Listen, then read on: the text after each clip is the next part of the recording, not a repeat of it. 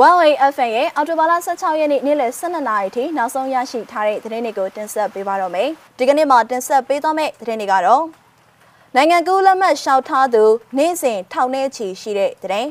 ။စာရဖရုံရှိရထားတဲ့အရာရှိကဘုံပစ်ခွဲခံရတဲ့သတင်း။စစ်ကောင်စီကိုအရေးယူအလုံးစုံစီးပွားရေးပိတ်ဆို့မှုလုပ်ဖို့နိုင်ငံတကာကိုတမက်ကများအဖွဲ့180ကျော်တောင်းဆိုတဲ့သတင်း။ တမူး PDF တရင်သုံးနဲ့ပြူစောတိတိုက်ပွဲဖြစ်စဉ်အကြောင်းအစရှိတဲ့သတင်းတွေကိုတင်ဆက်ပေးသွားမှာပါ။ဦးဆုံးသတင်းကတော့နိုင်ငံကူးလက်မှတ်လျှောက်ထားသူ နေ့စဉ်ထောင်နဲ့ချီရှိတဲ့သတင်းမှာ ရန်ကုန်တိုင်းဒေသကြီးရန်ကင်းမြို့နယ်ရှိနိုင်ငံကူးလက်မှတ်ရုံးမှာနိုင်ငံကူးလက်မှတ် passport လျှောက်ထားသူနေ့စဉ်ထောင်ထဲချီရှိနေပြီးမနက်၄နာရီဝန်းကျင်ကနေစတင်ကတန်းစီစောင့်ဆိုင်နေကြတာကိုတွေ့ရပါတယ်။အခကြီးငွေတီးတန့်ယူပြီး passport လျှောက်ပေးတဲ့ပွဲစားတွေကိုလည်း passport ရုံးအနီးမှာတွေ့ရပါတယ်။ passport လျှောက်ရမှာဗန်သွင်းငွေ2000ကျပ်ကျပ်ငွေစလစ်စာရွက်ကြီး2000ကျပ် ဓာတ်ပုံရိုက်9000ကျပ်နဲ့စာအုပ်ထုတ်3000ကျပ်စုစုပေါင်း3000ခွဲချက်ကြောက်မှာဖြစ်တော်လေပွဲစားတွေနဲ့ဆောင်ရွက်မယ်ဆိုရင်တအူးကိုငွေကျပ်6000ခွဲကနေ9000ခွဲအထိပေးရကြောင်းပွဲစားနဲ့ passport လျှောက်ထားသူတအူးကပြောပါတယ်ဒါအပြင်တန်းစီစောင့်ဆိုင်ရမှာပွဲစားတွေကနေရအယောင်းဝယ်တွေကိုလှုပ်ဆောင်ကလူတအူးအတွက်3000ကျပ်မှ9000ကျပ်အထိပေးချေရကြောင်းကိုလည်း passport လျှောက်ထားသူတအူးကပြောပါတယ်ငွေသွင်းက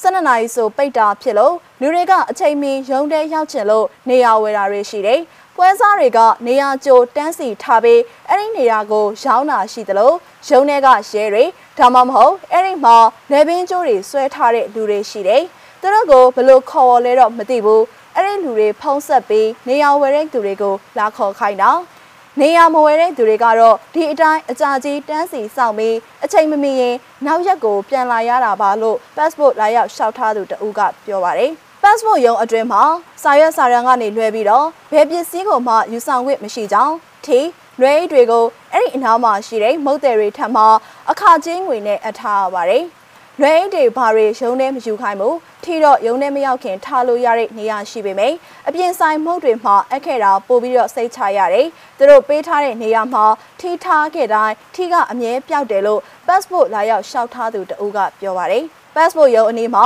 လက်တွန်းလှဲတဲ့တွေအေးဘော်ပင်တီရှူစတာတွေကိုရောင်းချတဲ့ဈေးတယ်တွေနဲ့လာရောက်သူတွေရဲ့အိတ်တွေကိုတီးတန့်ဆောင်ပေးတဲ့သူတွေကိုလည်းတွေ့ရပါတယ်။ passport ရုံးမဖွင့်ခင်မနက်ပိုင်းမှာလည်းဘုံရှာဖွေရှင်းလင်းရေးတွေကိုစစ်ကောင်စီတွေကလှုပ်တက်ပြီးတန်းစီစောင့်ဆိုင်နေကြတဲ့လူအုပ်ကြားတဲ့နဲ့ပွဲစားတွေထံမှအရက်ဝတ်ရဲတွေရှိနေတာကိုလည်းသတင်းတွေထွက်လျက်ရှိပါတယ်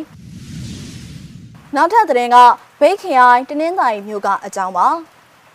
ဘေးခရိုင်တနင်္သာရီမြို့မှာရှိတဲ့စစ်ဖက်ရေးရာလုံခြုံရေးတပ်ဖွဲ့စာရဖရုံးရှိမှရနာထားတဲ့အရာရှိကားတွေကိုဘုံပစ်ခွဲခံရ၍အရာရှိဒဏ်ရာရရှိသွားတယ်လို့တနင်္သာရီမြို့ကန်တွေကပြောပါတယ်။ချောင်းငယ်ရ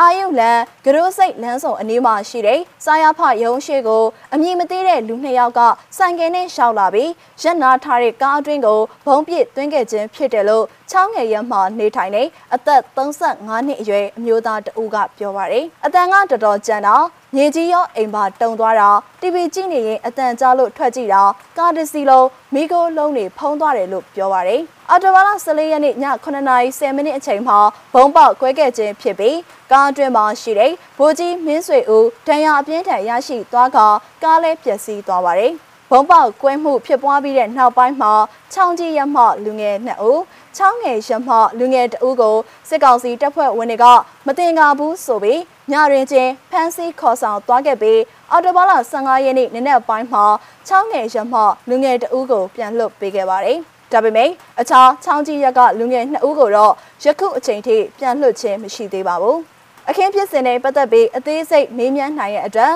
တနင်္သာရီမြို့မရဲစခန်းကိုဖုန်းနဲ့ဆက်သွယ်မေးမြန်းခဲ့တော့လဲအခုချိန်ထိဆက်သွယ်မေးမြန်း၍မရသေးပါဘူးရှင်။ဆက်လက်ပြီးတော့ စစ်ကောင်စီကိုအရေးယူအလုံးစုံစီးပွားရေးပိတ်ဆို့မှုလုပ်ဖို့နိုင်ငံတကာကိုတမန်ကအဖွဲ့180ကျော်တောင်းဆိုတဲ့သတင်းကိုတင်ဆက်ပေးချင်ပါတယ်။ရေနံတဘာဝတံငွေလုပ်ငန်းတွေနဲ့ကြောင်စိမ်းတင်ပို့ရောင်းချခြင်းတွေအပါအဝင်အာဏာသိမ်းစစ်တပ်ကိုဝင်ငွေရရှိစေတဲ့လုပ်ငန်းများအလုံးရပ်တန့်စေဖို့အတွက်နိုင်ငံတကာအနေနဲ့ပိတ်ဆို့ရေးယူမှုတွေကိုပူးပေါင်းလာကြပါရန်ចောင်းသားသမဂ္ဂတွေအဖွဲ့ကတောင်းဆိုလိုက်ပါတယ်။ အလုံးစုံသောစီးပွားရေးပိတ်ဆို့မှုဆောင်ရွက်ပေးဖို့182ဖွဲ့သောចောင်းသားသမဂ္ဂတွေကအော်တိုဘာလ15ရက်နေ့ရက်စွဲနဲ့လူမှုကွန်ရက်ကနေတဆင့်ထုတ်ပြန်လိုက်ခြင်းဖြစ်ပါတယ်။အကြံဖန်ဆင်းအာဏာရှင်စနစ်နှစ်ကာလများစွာအာဏာတည်မြဲမယ်ဆိုတာကနိုင်ငံရဲ့စီးပွားရေးလူမှုရေးပညာရေးကျန်းမာရေးတို့မှာပုံမဆိုးရွားလာပြီးအခုထပ်ပုံမချွတ်ချုံကြရန်သာရှိတာကြောင့်အာဆီယံနိုင်ငံတွေသာမကပဲ